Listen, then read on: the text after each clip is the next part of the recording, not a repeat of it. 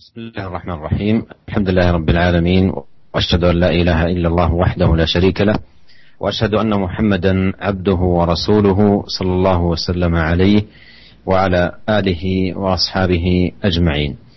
أما بعد ترجم الإمام النووي رحمه الله تعالى في كتابه رياض الصالحين قال باب قضاء حوائج المسلمين. وأورد قول الله تبارك وتعالى وافعلوا الخير لعلكم تفلحون.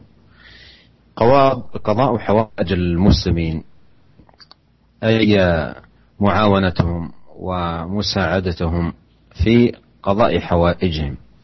والمسلم في عدد من مصالحه وعدد من حاجاته يحتاج إلى من يساعده. وإذا كان المسلم في حاجة أخيه كان الله تبارك وتعالى في حاجته. وإذا كان في عون أخيه كان الله سبحانه وتعالى في عونه. وكما يكون لعباد الله سبحانه وتعالى يكون الله له توفيقا وتسديدا وعونا وتيسيرا. فهذا باب عظيم من أبواب الخير المباركة لا يوفق له إلا ذو النفوس العالية من أهل الفضل والخير والنبل. وأورد قول الله تعالى وافعلوا الخير لعلكم تفلحون. وافعلوا الخير. أمر بفعل الخير والخير يتناول كل أنواع البر والجود والإحسان ومعاونة الآخرين ومساعدتهم وتفريج الكربات. مساعدة المحتاج إلى غير ذلك. ورتب على ذلك الفلاح لعلكم تفلحون.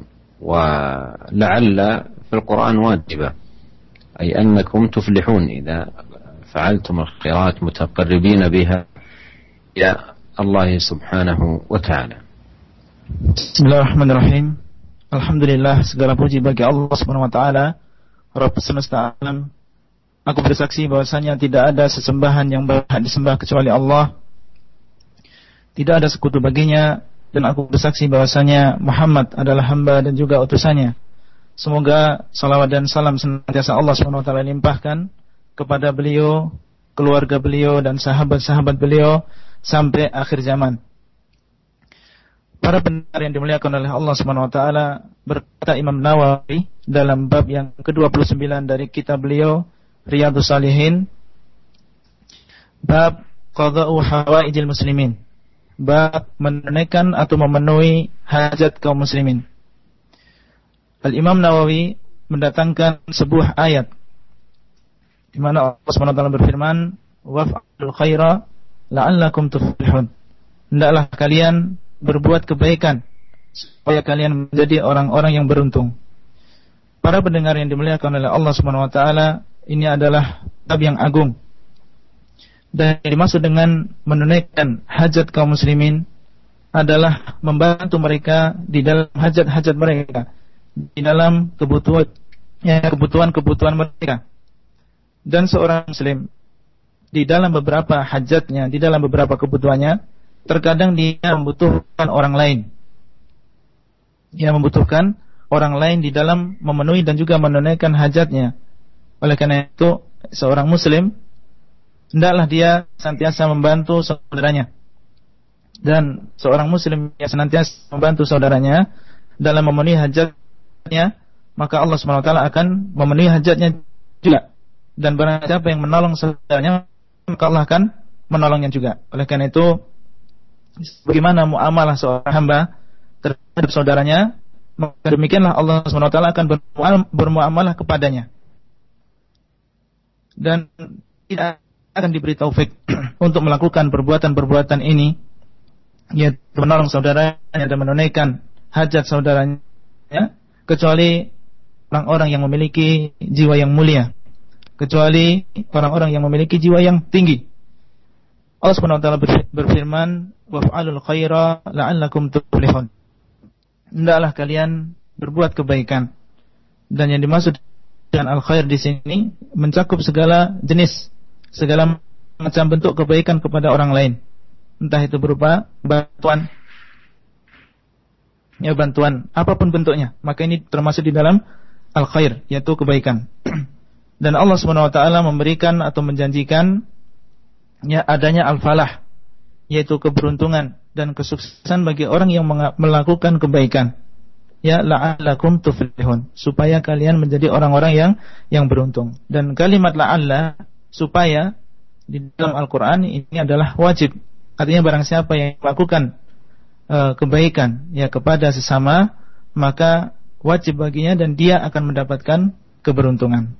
ثم أورد رحمه الله تعالى حديث ابن عمر رضي الله عنهما أن رسول الله صلى الله عليه وسلم قال المسلم أخو المسلم لا يظلمه ولا يسلمه من كان في حاجة أخيه كان الله في حاجته. ومن فرج عن مسلم كربة فرج الله عنه بها كربة من كرب يوم القيامة ومن ستر مسلما ستره الله يوم القيامة متفق عليه. وهذا الحديث سبق أن مر معنا قريبا ومر معنا الكلام على معناه. لكن أورده المصنف هنا لقول النبي عليه الصلاة والسلام من كان في حاجة أخيه كان الله في حاجته ومن فرج عن مسلم كربة فرج الله عنه بها كربة من كرب يوم القيامة. وهذا فيه شاهد للترجمة من حيث قضاء حوائج المسلمين والعمل على مساعدتهم ومد يد العون لهم.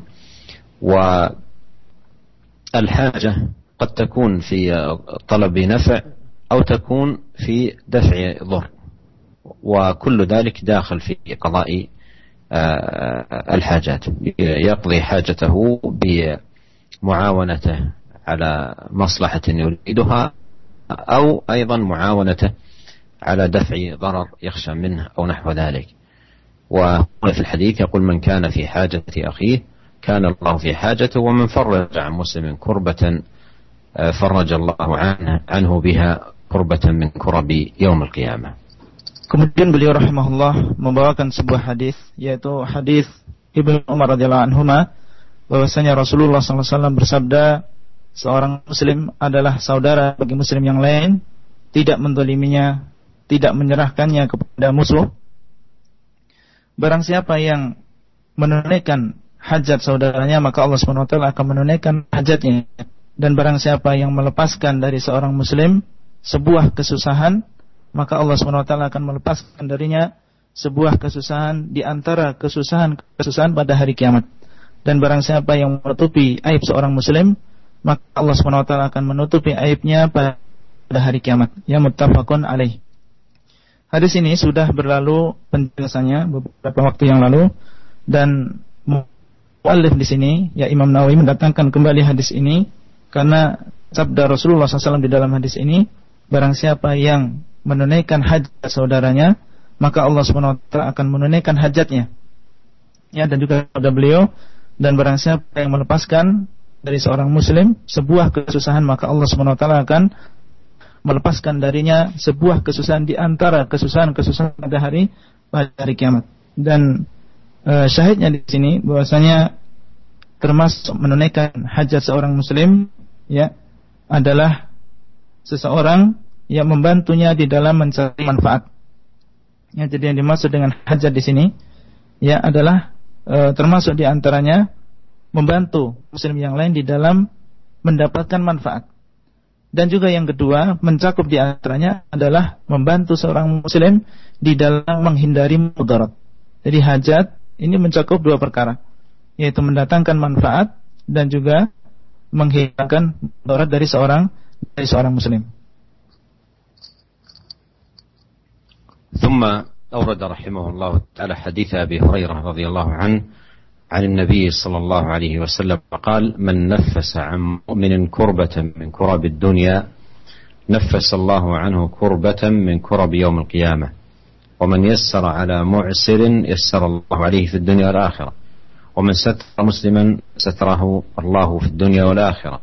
والله في عون العبد ما كان العبد في عون أخيه ومن سلك طريقا يلتمس فيه علما سهل الله له طريقا إلى الجنة. وما اجتمع قوم في بيت من بيوت الله يتلون كتاب الله ويتدارسونه بينهم إلا نزلت عليهم السكينة وغشيتهم الرحمة وحفتهم الملائكة وذكرهم الله في من عنده ومن بطأ به عمله لم يسرع به نسبه رواه مسلم. هذا الحديث حديث أبي هريرة كسابقه في الدلالة على قضاء حوائج المسلمين. ومن ذلكم قوله من نفس عن مؤمن كربة من كرب الدنيا نفس الله عنه كربة من كرب آه، يوم القيامة. وتنفيس الكربة أي تفريج الكربة كربة المسلم بمعاونته على قضاء حاجته في آه، جلب آه، نفع أو أيضا في دفع ضر يخشى. فمن نفس عن مسلم كربة نفس الله عنه كربة من كرب يوم القيامة.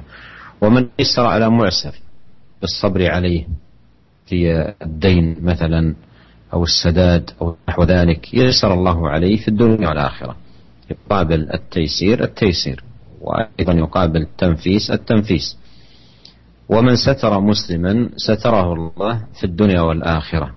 وهذا مر معنا قريبا ستر عورات المسلمين في ترجمة مستقلة. والله في عون العبد ما كان العبد في عون أخي. الله في عون العبد الله معينا آه، معين للعبد ومؤيد له ومسدد له. ما دام آه، في عون أخيه يعمل على معاونة الآخرين ومساعدتهم. ثم حث عليه الصلاة والسلام على العلم النافع الذي يهدي العبد إلى كل خير. وأعظم ذلك أنه يهدي صاحبه إلى الجنة. قال عليه الصلاة والسلام ومن سلك طريقا يلتمس فيه علما سهل الله له طريقا إلى الجنة. وكون العلم يسهل الطريق إلى الجنة من جهة أن بالعلم تعرف الأعمال الصالحات والطاعات الزاكيات التي هي سبب دخول الجنة. ويعرف أيضا ثواب الأعمال وعظم الأجور تعرف الزواجر وتعرف يعرف الترغيب والترهيب. إلى غير ذلك مما يكون علم العبد به آه، سببا موصلا بإذن الله تبارك وتعالى إلى الجنة إن عمل بما علم. ثم ذكر فضل الاجتماع في بيوت الله لتعلم العلم ولا سيما مدارسة القرآن الكريم. قال عليه الصلاة والسلام اجتمع قوم في بيت من بيوت الله يتلون كتاب الله ويتدارسونه بينهم. أن يقرأ واحد منهم الآيات ثم يتكلم على معانيها. ويكون من أهل العلم والفهم. لا أن أي أحد يقرأ الآية ويتكلم عن معناها من غير بصيرة ومن غير علم. فهذا من أخطر ما يكون أن يتكلم الإنسان في القرآن بغير علم. لكن المراد أن يقرأ الآية آه ثم يفسرها من هو على علم ودراية وفهم بكتاب الله سبحانه وتعالى. قال إلا نزلت عليهم السكينة وغشيتهم الرحمة وحفتهم الملائكة وذكرهم الله في من عنده لأن هذه ثمار عظيمة وآثار مباركة تحل على هؤلاء. نزول السكينة أي آه، الطمأنينة والأنس فتنزل عليهم السكينة. وتغشاهم الرحمة أي رحمة الله سبحانه وتعالى يظفرون بها وتحل آه، آه، فيفوزون بالرحمة ويكونون من أهلها الذين من الله سبحانه وتعالى عليهم بها وحفتهم الملائكة. أي تحفهم الملائكة تحيط بهم.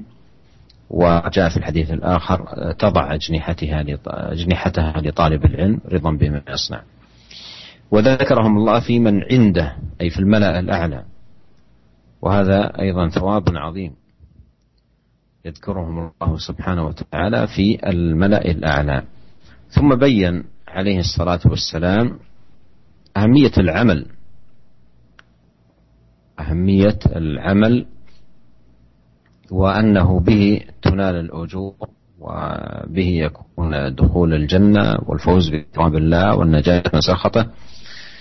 قال ومن بطأ به عمله لم يسرع به نسبه.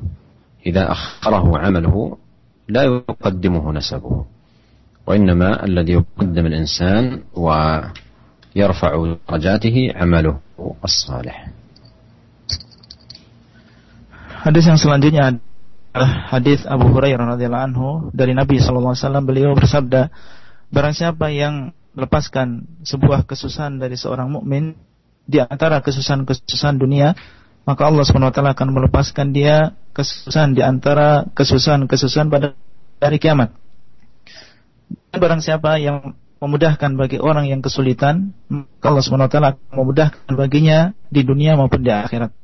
Dan barang siapa yang menutupi aib seorang muslim, maka Allah SWT akan menutupi aibnya di dunia maupun di akhirat.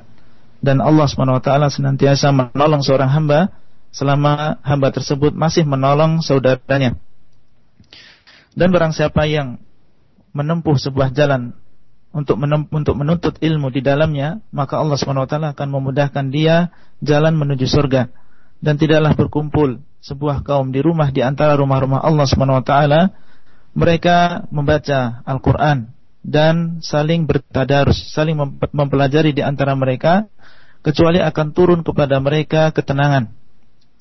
Dan mereka akan diliputi oleh rahmat dari Allah SWT dan akan dinaungi oleh malaikat-malaikat dan Allah SWT akan menyebut-nyebut mereka di hadapan makhluk yang ada di sisinya yaitu para malaikat dan barang siapa yang lambat amalannya maka nasabnya tidak akan mempercepat dia hadis ini diriwayatkan oleh Imam Muslim para pendengar yang dimuliakan oleh Allah SWT hadis ini seperti hadis yang sebelumnya yaitu tentang qadha hawaijil muslimin ya menunaikan hajat orang Islam.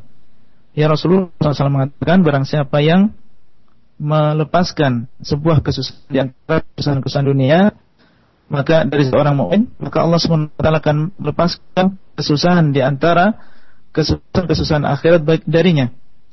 Ya. Dan yang dimaksud dengan kurbah di sini kesusahan di sini baik dalam rangka mencari manfaat ataupun kesusahan di dalam menghindari mudarat. Maka ini termasuk di dalam kurbah, di dalam makna apa? Dalam makna kurbah. Kemudian beliau bersabda dan barang siapa yang memudahkan urusan orang yang kesulitan, ya maka Allah SWT akan memudahkan urusannya di dunia maupun di di akhirat. Termasuk di antaranya adalah tentang dain, yaitu masalah hutang. Barang siapa yang memudahkan orang yang berhutang, ya entah itu diringankan ataupun ditunda misalnya, maka Allah SWT akan meringankan dia. Jadi balasan bagi sebuah uh, pemudahan bagi orang Islam adalah kemudahan yang Allah berikan bagi baginya. Kemudian siapa yang menutupi aib seorang muslim ya maka Allah SWT akan menutupi aibnya di dunia maupun di akhirat. Ini telah berlalu bahas secara khusus yang sudah uh, kita bahas. Kemudian uh, beliau SAW bersabda dan Allah SWT senantiasa me, me, apa senantiasa menolong seorang hamba apabila dia masih mau menolong saudaranya.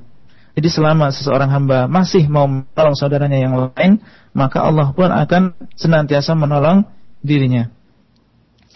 Kemudian Rasulullah SAW eh, setelah itu mendorong kita kaum muslimin untuk bersama-sama ya mencari ilmu yang bermanfaat, yaitu ilmu syariat, ya ilmu agama yang membimbing kita, menunjukkan kita kepada semua kebaikan di antaranya adalah membimbing kita menuju yang menuju al-jannah.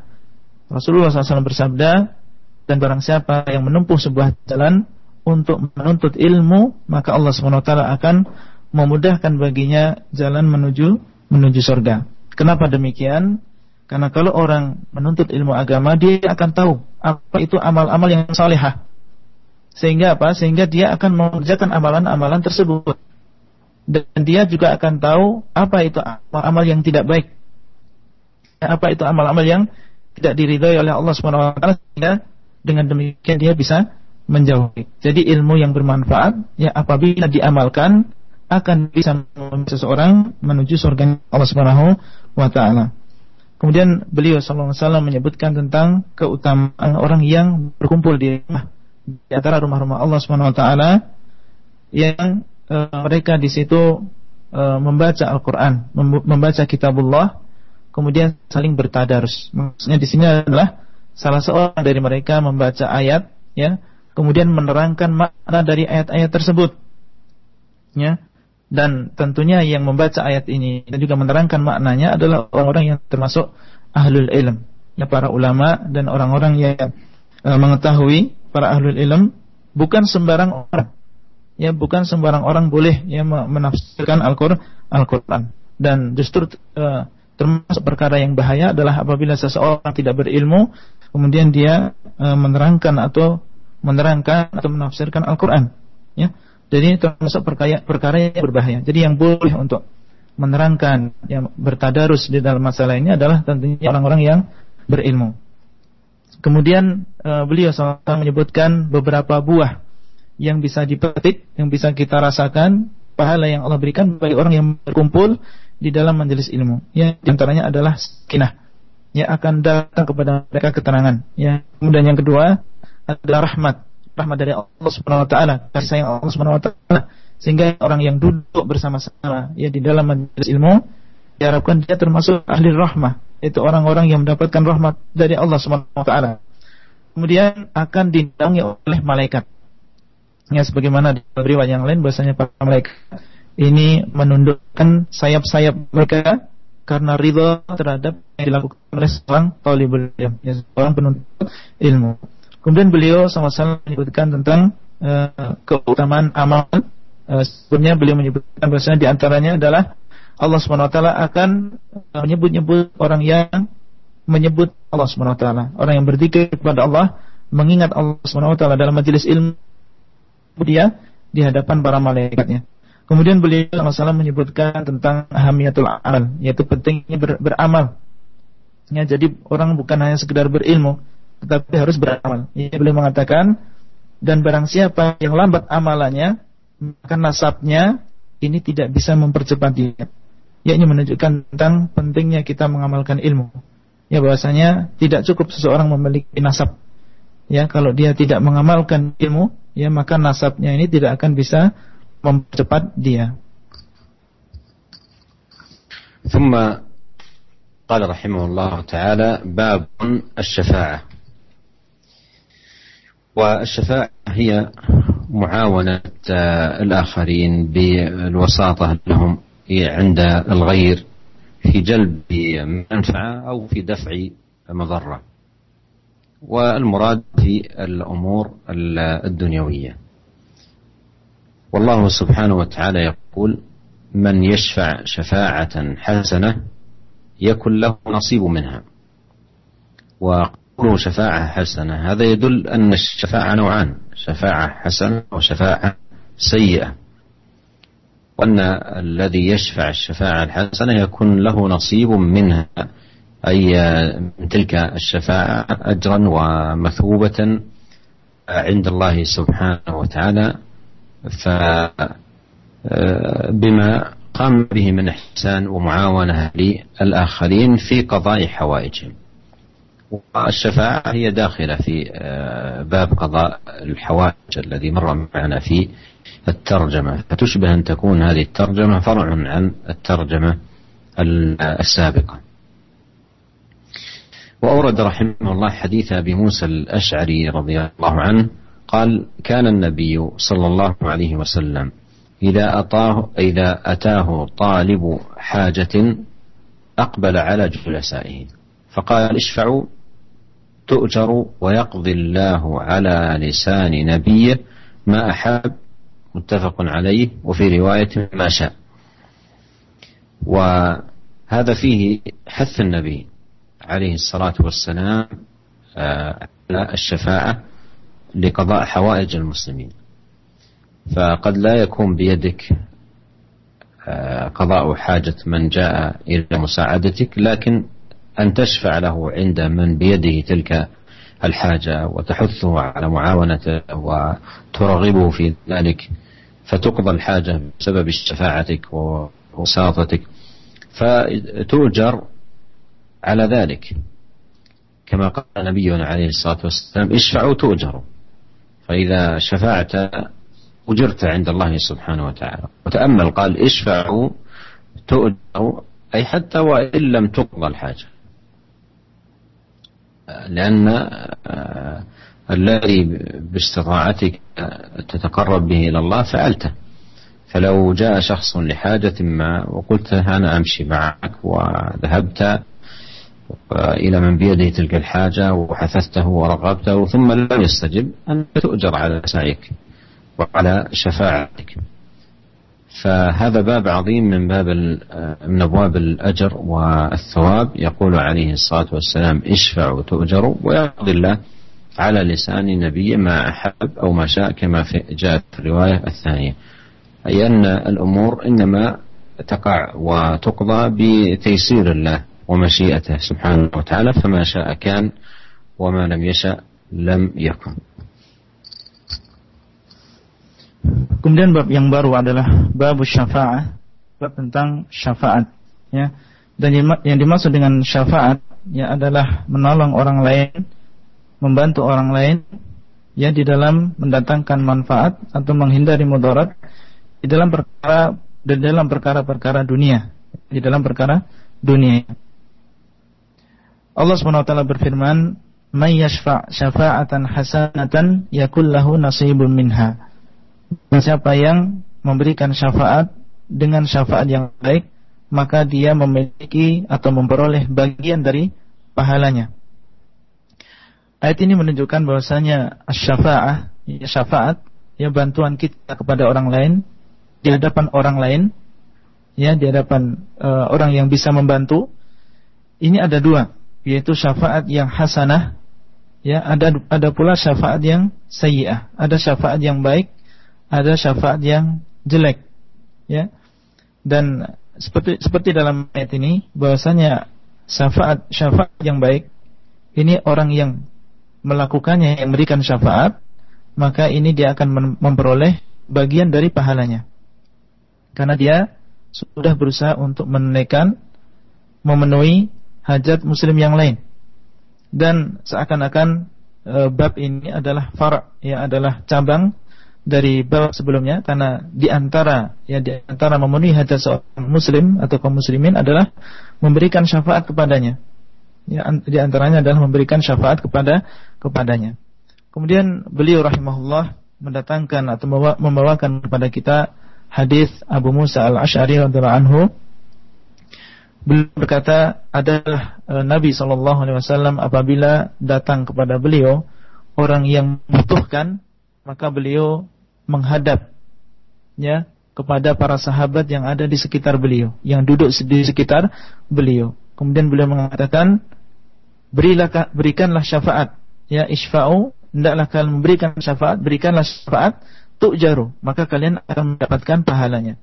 Dan Allah SWT memutuskan ya dengan lisan nabinya apa yang Allah cintai. Muttafaqun alaih di dalam riwayat yang lain masya'a yaitu apa yang Allah kehendaki. Di dalam hadis ini Rasulullah SAW mendorong kita, menganjurkan kita untuk memberikan syafaat kepada saudara kita. Ya, memberikan syafaat kepada saudara kita.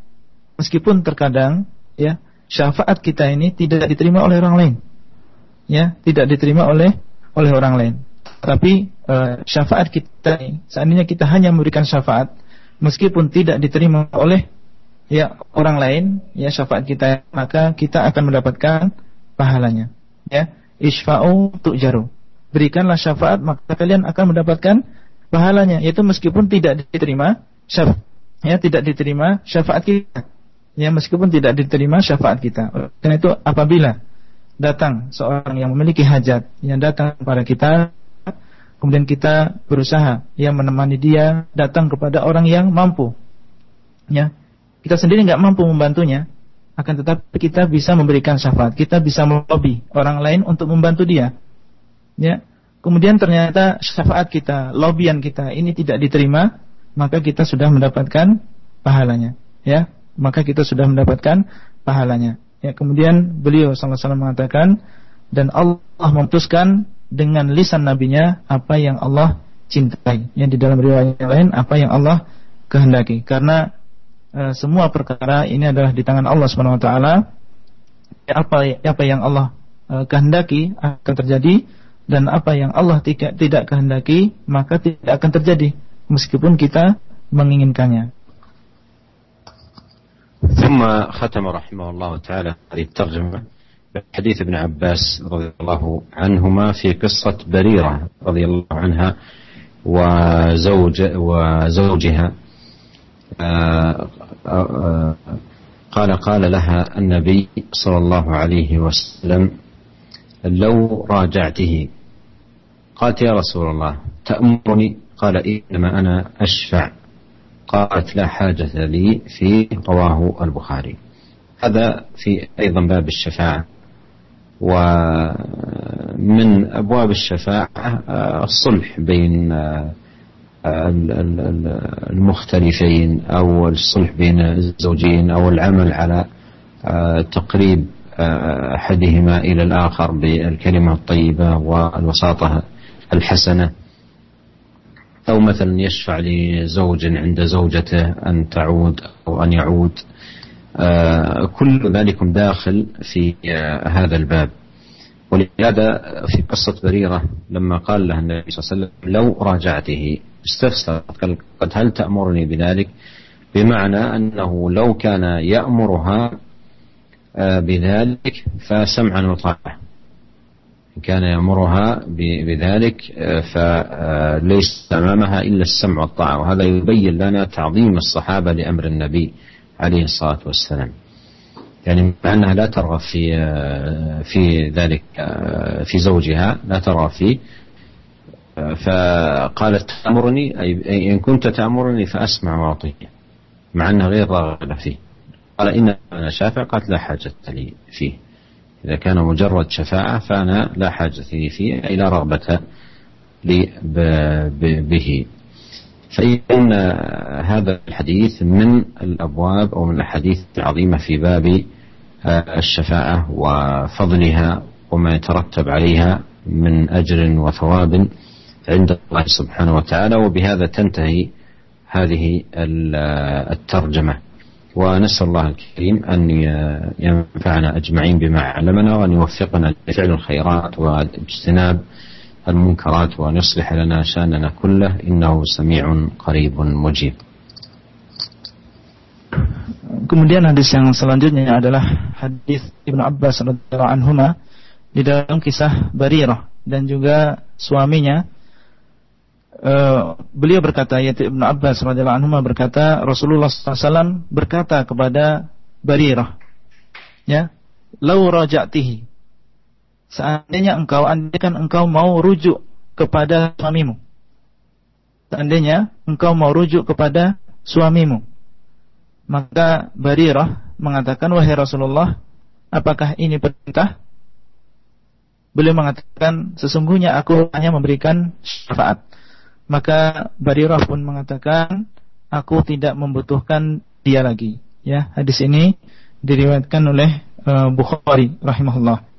Para pendengar yang dimuliakan oleh Allah Subhanahu wa taala, uh, hadis ini adalah termasuk di dalam bab syafaat dan ini menunjukkan bahwasanya syafaat ini termasuk memberikan syafaat ya seorang uh, suami yang memberikan syafaat bagi seorang suami di hadapan istrinya ya mencakup syafaat yang diberikan kepada seorang suami di hadapan istrinya. Dan di sini yang paling mendatangkan hadis Ibnu Abbas radhiyallahu dalam kisahnya uh, kisah uh, Barirah dan juga suaminya uh, di mana Rasulullah SAW berkata kepada Barirah seandainya engkau mau rujuk kembali kepada suamimu ya maka Barirah pun bertanya kepada Rasulullah, "Ya Rasulullah, apakah engkau menyuruhku? Apakah ini adalah perintahmu?" Maksudnya apa? Maksudnya seandainya ucapan Rasulullah SAW, andaikan engkau mau rujuk kepadanya, ini adalah sebuah perintah, maka yang ada adalah sam'un wa ta'ah, yang adalah mendengar dan juga taat. Dan ini menunjukkan bagaimana para sahabat Nabi SAW mereka mengagungkan perintah Rasulullah SAW. Ya, seandainya itu perintah Nabi, meskipun dia sendiri tidak mau, maka ini akan dilaksanakan. yang meskipun tidak sesuai dengan keinginan dia tapi kalau itu adalah perintah Rasulullah SAW maka akan di, didengarkan dan juga akan di, dilaksanakan. Ya akan tapi Rasulullah SAW mengatakan innama asfa aku hanya memberikan syafaat saja. Jadi ini bukan perintah akan tapi hanyalah hanyalah sekedar syafaat. Ya oleh karena itu eh, Barirah mengatakan la hajata li oleh karena kalau demikian kalau hanya sekedar syafaat bukan perintah maka uh, ketahuilah bahasanya aku tidak membutuhkan dia lagi. Ya tidak membutuhkan suaminya suaminya lagi. Ya. Jadi uh, dengan hadis ini berarti kita sudah menyelesaikan bab yang agung ini yaitu bab syafaat dan uh, pahala yang dijanjikan oleh Allah Subhanahu wa taala bagi orang-orang yang memberikan syafaat bagi saudaranya. Dan kita memohon kepada Allah Subhanahu wa taala yang Maha Pemurah. Ya semoga Allah taala memberikan manfaat terhadap ilmu yang Allah berikan kepada kita dan memberikan taufik kepada kita untuk melakukan semua khairat, ya semua kebaikan dan menjauhkan kita dari semua kejelekan. Sesungguhnya Allah Subhanahu wa taala Maha mendengar uh, doa kita semua. Jazakallah khairan ya Syekh atas dars yang telah disampaikan. Dan saudara Iman, kami akan sampaikan satu pertanyaan dari pesan singkat dari Ummu Aisyah di Cikarang yang bertanya, Ya Syekh, bagaimanakah pandangan menurut syariat Islam apabila kita menolong saudara sesama muslim yang fakir dan miskin tetapi dia pelaku kesyirikan yang kemungkinan karena kejahilan akan ilmu agamanya ia melakukan kesyirikan. Bagaimanakah kita uh, hukum menolong saudara sesama muslim yang demikian keadaannya?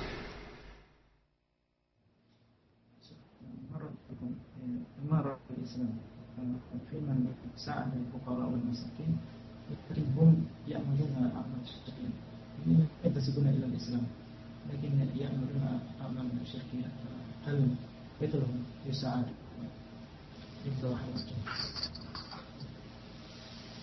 إذا كان الغرض من مساعدة من كانوا بهذه الصفة يمارسون أعمال شركية أو يفعلون شركيات إذا كان الغرض من مساعدتهم تأليف قلوبهم و دعوتهم إلى الإسلام لأن من يمارس الشرك ويفعل الشركيات ليس بمسلم.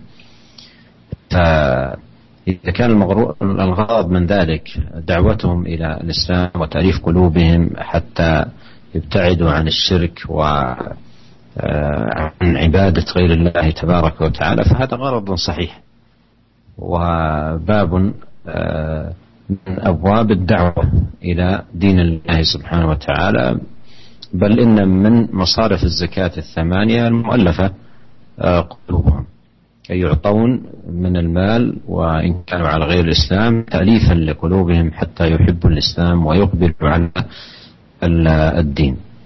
ودين الله سبحانه وتعالى قائم على التوحيد على توحيد الله وإخلاص الدين له جل وعلا. فالذي يعبد غير الله ويصرف العبادة لغير الله تبارك وتعالى فالأساس الذي يقوم عليه دين الله تبارك وتعالى آه، مفقود عنده وحالته آه، آه، وحالته هذه أي أنه صارف العبادة غير الله تبارك وتعالى. فالشاهد أن يعطي من أجل أن يناصح ويوجه ويعلم ويدعى إلى التوحيد فهذا من الأعمال الطيبة. ونسأل الله جل وعلا أن يوفقنا أجمعين لكل خير وأن يصلح لنا شأننا كله. إنه سميع قريب مجيب. والسلام عليكم ورحمة الله وبركاته. وعليكم السلام ورحمة الله وبركاته. جزاك الله خيرا يا شيخ. Ya, satu pertanyaan dari Ummu Aisyah, e, bagaimana pendapat Islam tentang e, menolong fakir miskin yang mereka melakukan amalan-amalan kesyirikan padahal mereka menisbahkan dirinya kepada e, agama Islam ini.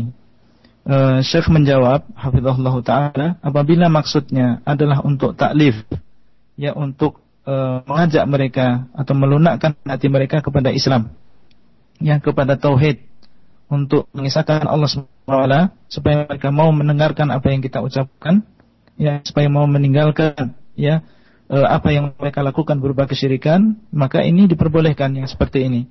Bahkan ini termasuk ya pintu di antara pintu-pintu dakwah. Ya, pintu di antara pintu-pintu dakwah dan kita tahu bahasanya di antara orang yang berhak untuk mendapatkan zakat ya adalah orang yang al-muallafah qulubuh, yaitu orang-orang yang diharapkan dia bisa menerima agama Islam. Ya, padahal dia bukan orang Islam, tetapi diberikan zakat, diberikan sedekah dengan harapan dia bisa masuk masuk Islam, ya. Maka kalau maksudnya seperti ini diperbolehkan. Ya, dan perlu diketahui bahasanya agama Allah SWT ini berdiri di atas pondasi tauhid. Ya, oleh karena itu barang siapa yang uh, tidak mengisahkan Allah, tidak mentauhidkan Allah Subhanahu wa taala, maka berarti dia telah kehilangan pondasi. Ya, telah kehilangan pondasi. Ya, syahidnya, ya syahidnya dari apa yang kita sampaikan bahwasanya apabila maksud dia menolong orang-orang fakir miskin tersebut ya dengan tujuan untuk taklif ya dengan tujuan untuk mengajak mereka kepada tauhid kepada Islam yang benar maka uh, niat seperti ini insyaallah diperbolehkan dan kita memohon kepada Allah Subhanahu wa taala semoga Allah memberikan taufik ya kepada kita semua kepada semua kebaikan dan memperbaiki uh, amalan kita semuanya. Wabillahi taufiq wal hidayah. Sallallahu ala Muhammad wa ala Wassalamualaikum warahmatullahi wabarakatuh.